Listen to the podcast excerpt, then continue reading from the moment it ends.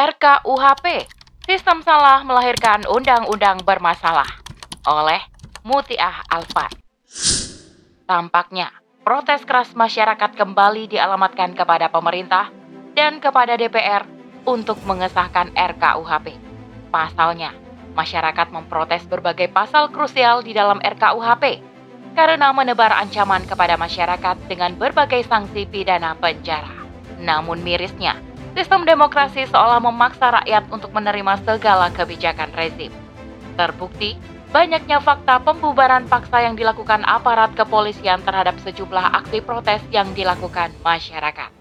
Dilansir dari kompas.com pada Minggu 27 November 2022, telah terjadi aksi yang dilakukan sejumlah elemen masyarakat untuk menolak rancangan Kitab Undang-Undang Hukum Pidana atau RKUHP di Bundaran HI Jakarta Pusat.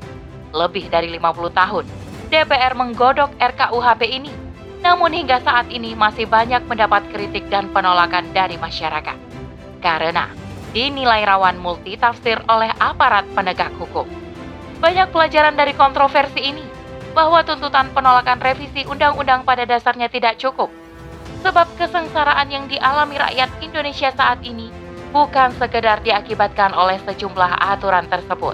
Lebih dari itu, penerapan sistem demokrasi yang berasal dari ideologi sekuler kapitalisme adalah akar masalah di negeri ini. RKUHP adalah rancangan yang dibuat untuk mengatur perbuatan-perbuatan pidana atau apa saja yang dianggap sebagai perbuatan jahat dan mengatur berat ringannya hukuman tersebut.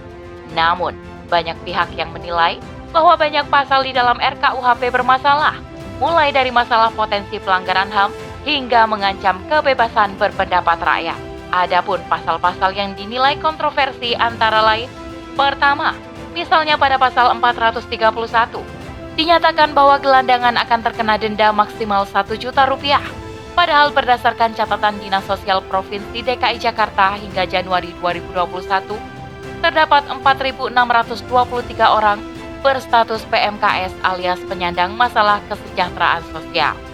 Dari data tersebut, 1.044 orang berstatus sebagai gelandangan, sementara di seluruh Indonesia, sebanyak 77.000 jiwa berstatus sebagai gelandangan dan pengemis. Namun anehnya, demi mengatasi masalah tersebut, pemerintah akhirnya menggodok draft RKUHP mengenai pembahasan gelandangan. Padahal, Jelas-jelas banyaknya gelandangan di negeri ini akibat gagalnya pemerintah dalam mengayomi dan memenuhi kesejahteraan rakyatnya. Kedua, pasal 218 ayat 1 yang berbunyi, setiap orang yang di muka umum menyerang kehormatan atau harkat dan martabat diri presiden atau wakil presiden dipidana dengan pidana penjara paling lama 3 tahun 6 bulan atau pidana denda paling banyak kategori 1 fee. Hukuman penjara tersebut bisa meningkat menjadi 4 tahun 6 bulan jika penghinaan dilakukan melalui media elektronik. Bukankah pemberlakuan pasal penghinaan presiden ini sangat tidak sesuai dengan posisi Indonesia sebagai negara demokrasi yang katanya menganut kebebasan? Hal ini jelas menimbulkan kecurigaan di benak masyarakat. Pasalnya, selama ini sudah ada pasal pencemaran nama baik di dalam KUHP atau Undang-Undang ITE. Namun, Mengapa perlu dibuat pasal khusus untuk presiden dan wakil presiden? Ketiga, pasal 252 mengenai santet. Menurut draft RKUHP, pasal tersebut dimaksudkan untuk mengatasi keresahan masyarakat yang ditimbulkan oleh black magic atau ilmu hitam. Yang jadi pertanyaan, bagaimana pembuktian terhadap pelanggaran pasal santet? Karena hingga sekarang belum ada alat ukur untuk bisa membuktikan praktek semacam itu.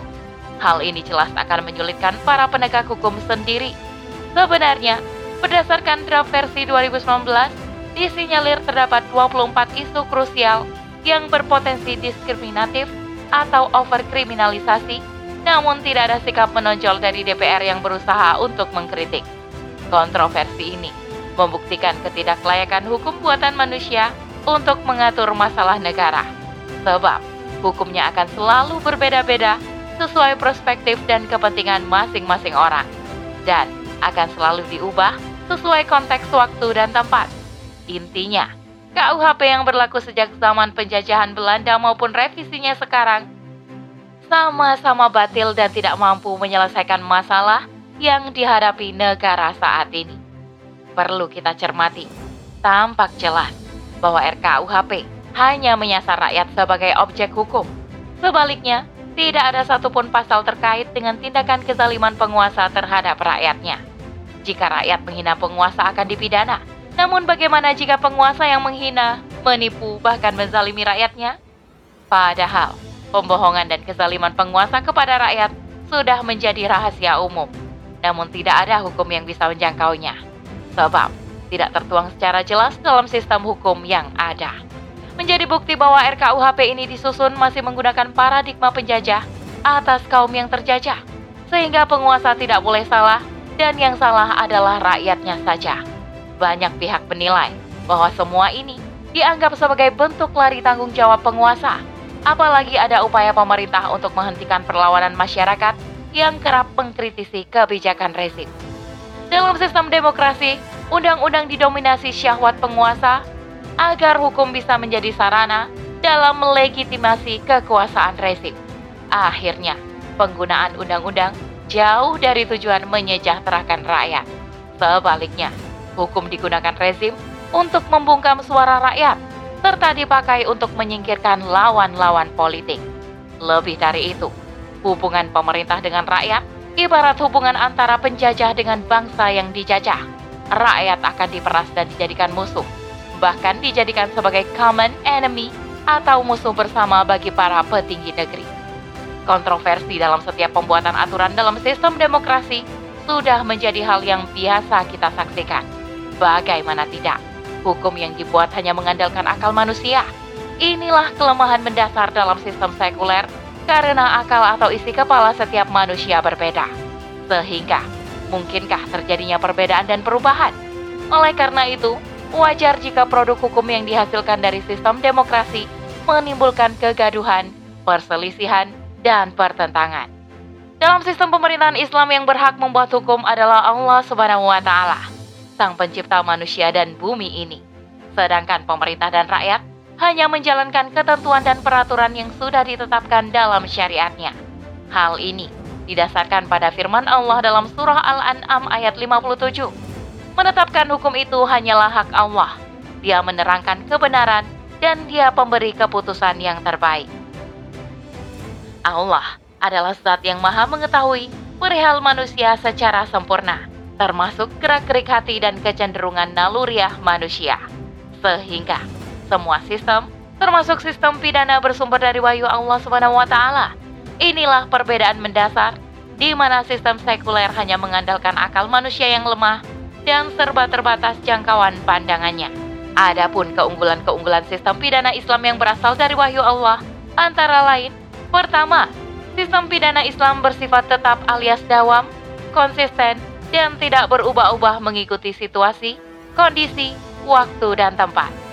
Kedua, sanksi dalam pidana Islam bersifat zawajir alias membuat jerah di dunia dan jawabir alias menghapus dosa di akhirat. Oleh karena itu, sistem pidana Islam berdimensi dunia dan akhirat. Bersifat zawajir artinya dapat membuat masyarakat takut untuk melakukan kejahatan serupa. Misalnya dengan menyaksikan kisos bagi pelaku pembunuhan, akan membuat anggota masyarakat enggan untuk membunuh. Akibatnya, nyawa manusia di tengah masyarakat akan dapat terjamin dengan baik.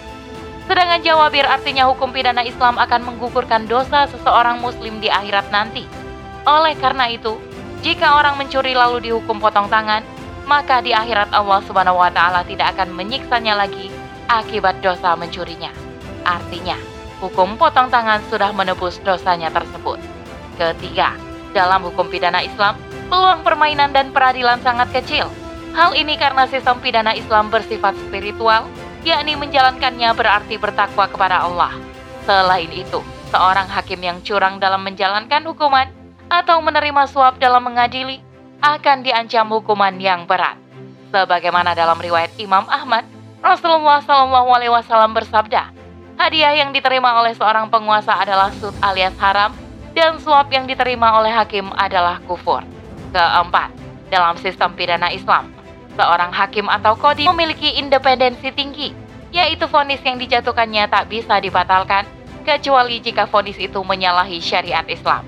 Artinya, Vonis yang dijatuhkan seorang hakim sebagai hasil ijtihadnya tidak dapat dibatalkan oleh ijtihad yang dihasilkan oleh hakim lainnya. Maka, dalam peradilan Islam tidak dikenal sistem banding, yakni mengajukan peninjauan vonis pada tingkat peradilan yang lebih tinggi. Oleh karena itu, tampak jelas bahwa sistem pidana Islam jauh lebih unggul jika dibandingkan sistem pidana sekuler yang diterapkan saat ini. Sehingga sudah saatnya sistem pidana sekuler warisan penjajah kafir dihapuskan, sebab bertentangan secara total dengan syariat Islam dan hanya menimbulkan dosa serta kerusakan di dunia dan di akhirat. Munculnya berbagai undang-undang dalam RKUHP yang tidak pro rakyat semakin menambah fakta dilema dan buruknya sistem demokrasi. Undang-undang sangat rentan ditunggangi oleh kepentingan para pembuatnya, semacam simbiosis mutualisme antar elit politik dari pihak eksekutif legislatif, dan yudikatif. Sehingga slogan bahwa demokrasi adalah perwujudan kehendak rakyat sesungguhnya hanyalah ilusi yang sulit terrealisasi dalam kenyataan. Terbukti, banyak undang-undang yang disahkan di tengah badai kritik rakyat, termasuk RKUHP yang masih ditunda pengesahannya. Sebaliknya dalam Islam, hukum secara prinsip dibersihkan dari kepentingan para elit pembuatnya. Sebab yang berhak membuat dan menentukan hukum hanyalah Allah Subhanahu wa taala. Sehingga semua hukum syariat dibuat untuk melindungi kepentingan manusia secara adil dan menyeluruh. Jadi, siapa pun yang berpikir jernih pasti mengakui dan tergugah. Sebagaimana dalam surah Al-Maidah ayat 50, Allah Subhanahu wa taala berfirman, "Apakah hukum jahiliyah yang mereka kehendaki? Siapakah yang lebih baik hukumnya daripada Allah bagi orang-orang yang yakin?" Wallahu a'lam bishawab.